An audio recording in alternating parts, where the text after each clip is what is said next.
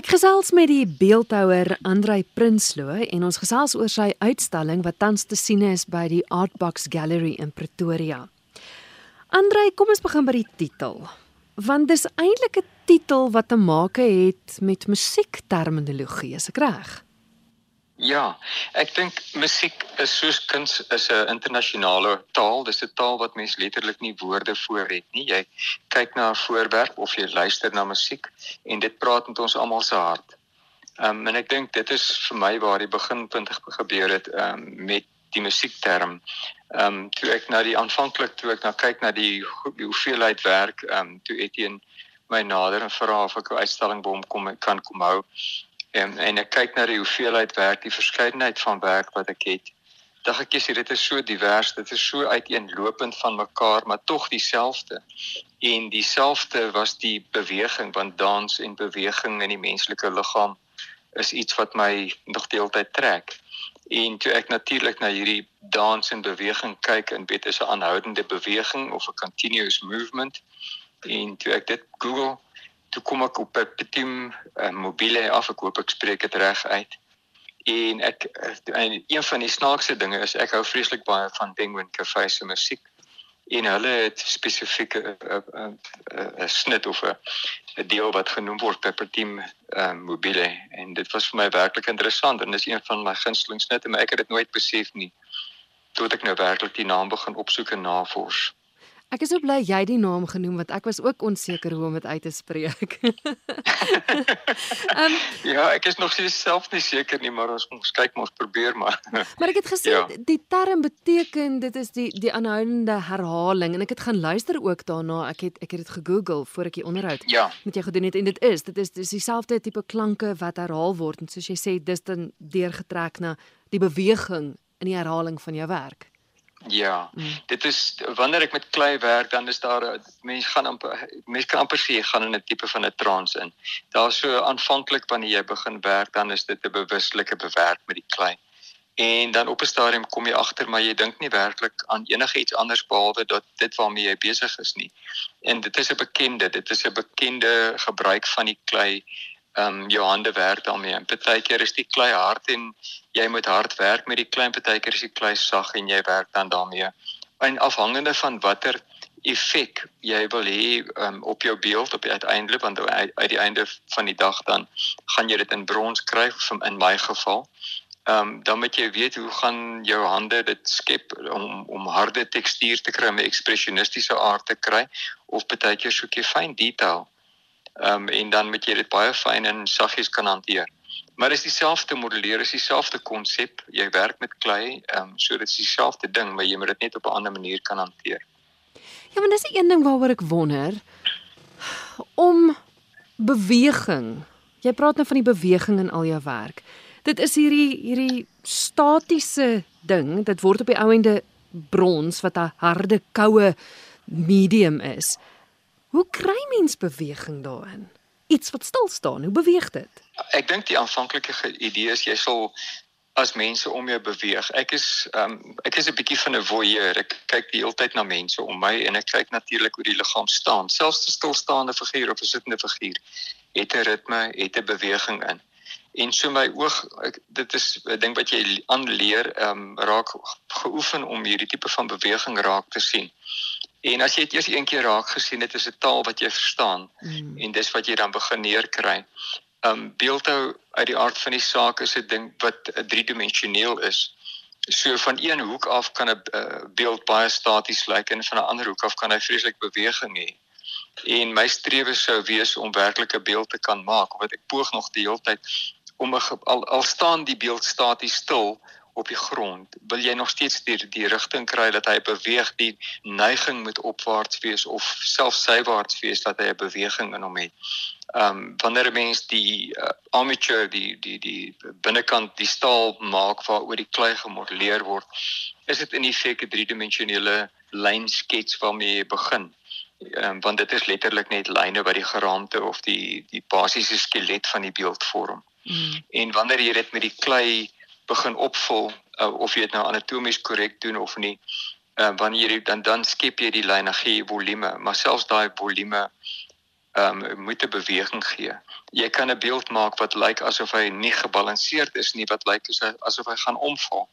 En daai spanning wat jy kry binne daai beeld gee vir jou die gevoel dat hy wel daar wel beweging is. So dit is 'n bietjie van 'n optiese illusie. Ehm um, en dit dit vat van die beeldhouer of van my vat dit 'n bietjie van 'n kennis of nie kennis nie maar 'n wete van wat jy gaan skep en hoe die ou mens gaan dink wanneer hy na die beeld gaan kyk. Ja, ja. Ehm um, ja. Het jy dit in gedagte as jy begin met 'n beeld? Weet jy hoe die eindproduk gaan lyk want ek het elders gelees daar's nogals redelike kommunikasie tussen jou en die beeld. Ja nee, ek weet nooit hoe dit hoe die beeld gaan eindig nie. Hmm. dit is vir my en ek weet ook dikwels nie wat die geslag is nie. Dit is ehm um, weet ek weet nie of ek 'n man of ek 'n vrou maak nie. Dit is baie keer net ek begin ek wil ek het ek het 'n ritme of 'n lyn wat ek nie op speel. Ehm um, en dan gebeur die beeld ehm um, soos wat jy aangaan. Hmm. Ehm um, die, die die nie ek het nie vooraf 'n werklike idee nie. Ek het ehm um, die beelde wat ek het is ehm um, baie keer mense sê baie keer hulle kry 'n ding in 'n droom. Vir my werk dit nie in 'n droom nie. Vir my werk dit jy kry 'n beeld wanneer jy besig is om te werk. Weet jy wat is daai gesegde wat sê die inspirasie tref jou wanneer jy besig is in jou om te werk. Mm. Nou dit voel soos die inspirasie vir my wanneer ek besig is om te modelleer met klei dan gebeur die beeld met my hande. Mm. Dis tog ook vir jou belangrik en ek weet jy's een van die min kunstenaars wat mense aanmoedig om aan jou werk te vat. Want die kommunikasie tussen die beeld en die kyker is vir jou ook belangrik. Ja, dit is vir my 'n werklike belangrike ding. Ehm, ek weet mense kan kyk na 'n kunswerk En mens wil graag hê, wil ek wil graag hê dat my beeld 'n emosie in jou aanlok of uitlok. Ek wil graag hê, um, vir my is dit 'n uiterste kompliment as jy aan die beeld vat, as jy daai gevoel het. Ek wil ook voel wat die kunstenaar gevoel het terwyl hy hom gemaak het. Ek wil ook daai gevoel, daai volume voel. Ehm um, jy kyk nie net met jou oë nie, met ander woorde, jy probeer al jou sintuie te gebruik om hierdie beeld te ervaar. So duidelik is dit dit ehm um, ek is nie persoonlik nie uh, is dit nie maklik vir my om my gevoelens in woorde uit te druk nie dikwels nie. Ehm um, my taal is by uitstek is maar beeldhou. Ehm um, en daarom as ek voel ek kry dit reg dan is dit uit die aard van die saak vir my voel ek was suksesvol geweest. Ja. Jy het nou interessant genoem dat jy dit kom na jou toe soos jy besig is om te werk aan die aan die spesifieke beeld gebruik jy modelle of of is dit uit geheue uit? Of want ek meen dit is so ongelooflik fantasties die figuur. Jy weet die alle hy lyk net reg. Werk jy van modelle of of is dit maar alle jare se ondervinding dat jy net weet hoe lyk die lyf?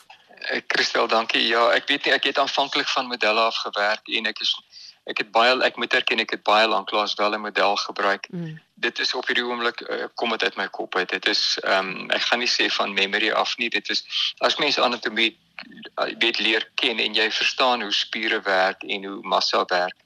Ehm um, dan gee dit vir jou daai weet as jy jy jy leer die the tools of the trade. Jy leer hoe dit werk en as jy daai tools eers geleer het, bemeester dit as jy eers die die kennis het van anatomie en dan dan is daar 'n vryheid wat gebeur in jou kop om dit te, te gebruik of te misbruik. Jy weet ek probeer nie 'n anatomiese korrekte beeld te maak nie. Dikwels wanneer ek met 'n kommissie werk besig is, wat ek nou vir 'n kliënt werk, dan is dit dikwels dan moet ek dit anatomies 100% korrek maak. Ek moet 'n weet in my portretstudies wat ek nie, nou nie op die uitstalling is nie, maar dan moet jy weet die mense gelaatstrekke reg kry.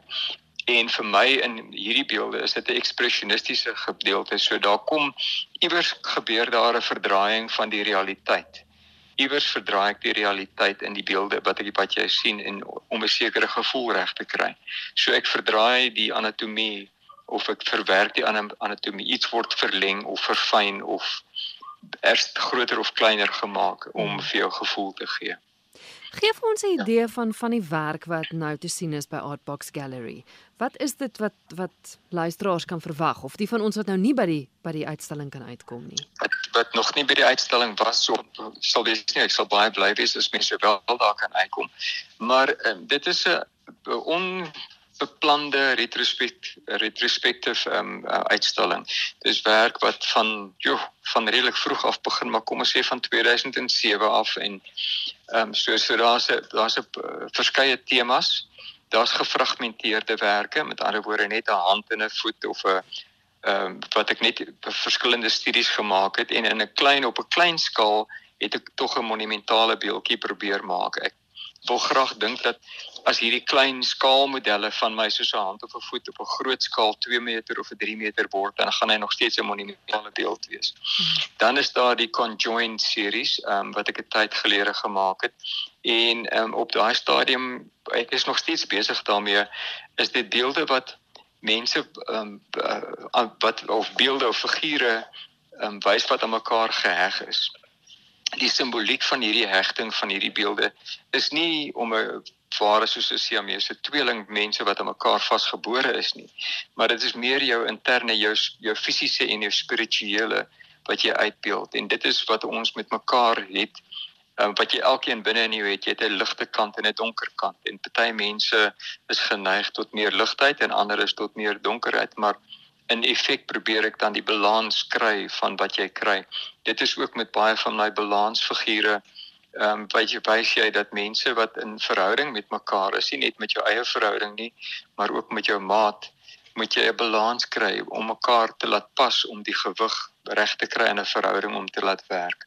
En dan is daar een van die hoofbeelde, ehm um, the likeness of being wat baie mense baie ontstel want dit is dit wys 'n figuur wat horisontaal 'n manlike figuur wat horisontaal sweef en wat op penne deur wat sy lyf deurboor. En die penne eintlik is net om te wys waar jy vandaan kom. Dit is soos ligstrale. Jy begin van 'n baba af. Um, en as 'n baba erf jy die huis wat jy ingebore word. Jy erf jou kultuur, jy erf jou die godsdiens wat jy wil hê of wat jy kry wat in jou kultuur is. Jy erf al die sondes van jou vader 'n soort van ding. En dan erf jy natuurlik ook jou DNA, jou fisiese eienskappe wat jy van jou familie het. Ehm um, en dan soos wat jy groot word, worstel jy daarmee en moet jy daarmee saamwerk. En baie keer verwerp ons dit en ehm um, ander kere trek dit ons af en ander kere vat dit ons vas. Ehm um, maar op die einde van die dag is die strewe dat jy uh, jou eie mens moet word en jou eie wese moet word en daar daarin die naam van the lightness of being binne al hierdie ehm um, tradisies en kulture wat jy jouself in bevind, moet jy jou eie sekerheid ontdek en jou eie mens word. Ehm um, so dit is 'n redelike wye verskeidenheid vanwerke. Hmm. Ehm um, ek gebruik hoofsaaklik die naakfiguur want ek voel die naakfiguur is vir my die die mees ehm um, eerlike uh, ding van ons liggaam.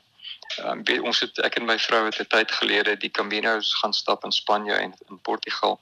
En op daai Camino terwyl jy stap, dan kom jy agter maar alle mense wat op daai Camino is, die pelgrims wat op daai Camino is, is mense ongeag jou agtergrond en die liggaam die naakte liggaam vir my wil ek nie noodwendig klere gee nie want ons almal op die einde van die dag is net 'n liggaam. Ehm um, en 'n gees en dit is dit wat ons moet gebalanseerd hou en gesond moet hou. Mm. En my in in my beelde probeer ek dit uitwerk te wys. Is al die werk in brons, Andrei? Ehm um, Christel nee, dit is nie alles in brons nie. Brons is ongelukkige dier 'n proses. Ehm um, ek sou sê omtrent 40% van die werke is in brons. Ehm um, dit daar is 'n verskeidenheid van veselglaswerke ehm um, wat ek het. Ehm um, so daar's 'n hele paar um, veselglas wat ek gedoen het op 'n stadium um, en veselglas op sy ek voel jy mens kan veselglas gebruik solank jy dit nie probeer laat lyk soos iets anders nie. Solank jy net eenvoudig wys dit is veselglas, dan moet die eerlikheid van die materiaal wees. Ehm um, so ook met brons. Bron, met brons kan jy duidelik wys dit is brons, maar as jy veselglas gebruik of sement gebruik, wys nie dit is dit wat dit is. So dan moet die eerlikheid in die materiaal wees. So 'n laaste vraag, die term figuratiewe kuns. Dit is 'n term, ekskuus nou vir my Engelse woord, maar wat wat bietjie blurry is. Daar's bietjie kontroversie daaroor, is ek reg? Ja, figuratief dit dit is 'n bietjie dis 'n ding wat mense vir 'n lang tyd in die kunswêreld toe ek gestudeer het wat 'n hele paar jaar, 40 jaar plus terug gelede was, was figuratiewe kuns aan die einde van sy populariteit in die kunswêreld en die term conceptual kuns het baie sterk na vore gekom. Ehm um, so en, en ongelukkig of gelukkig vir my kop het ek vasgeklou aan die figuratiewe. Ehm um, en ek hou van dit wat jy sien wat jy kan weergee. Ehm um, ek glo dat as jy nie 100% um, figuratief of realisties teken nie. Met ander woorde, jy probeer nie soos 'n foto iets klinies eenvoudig weergee nie.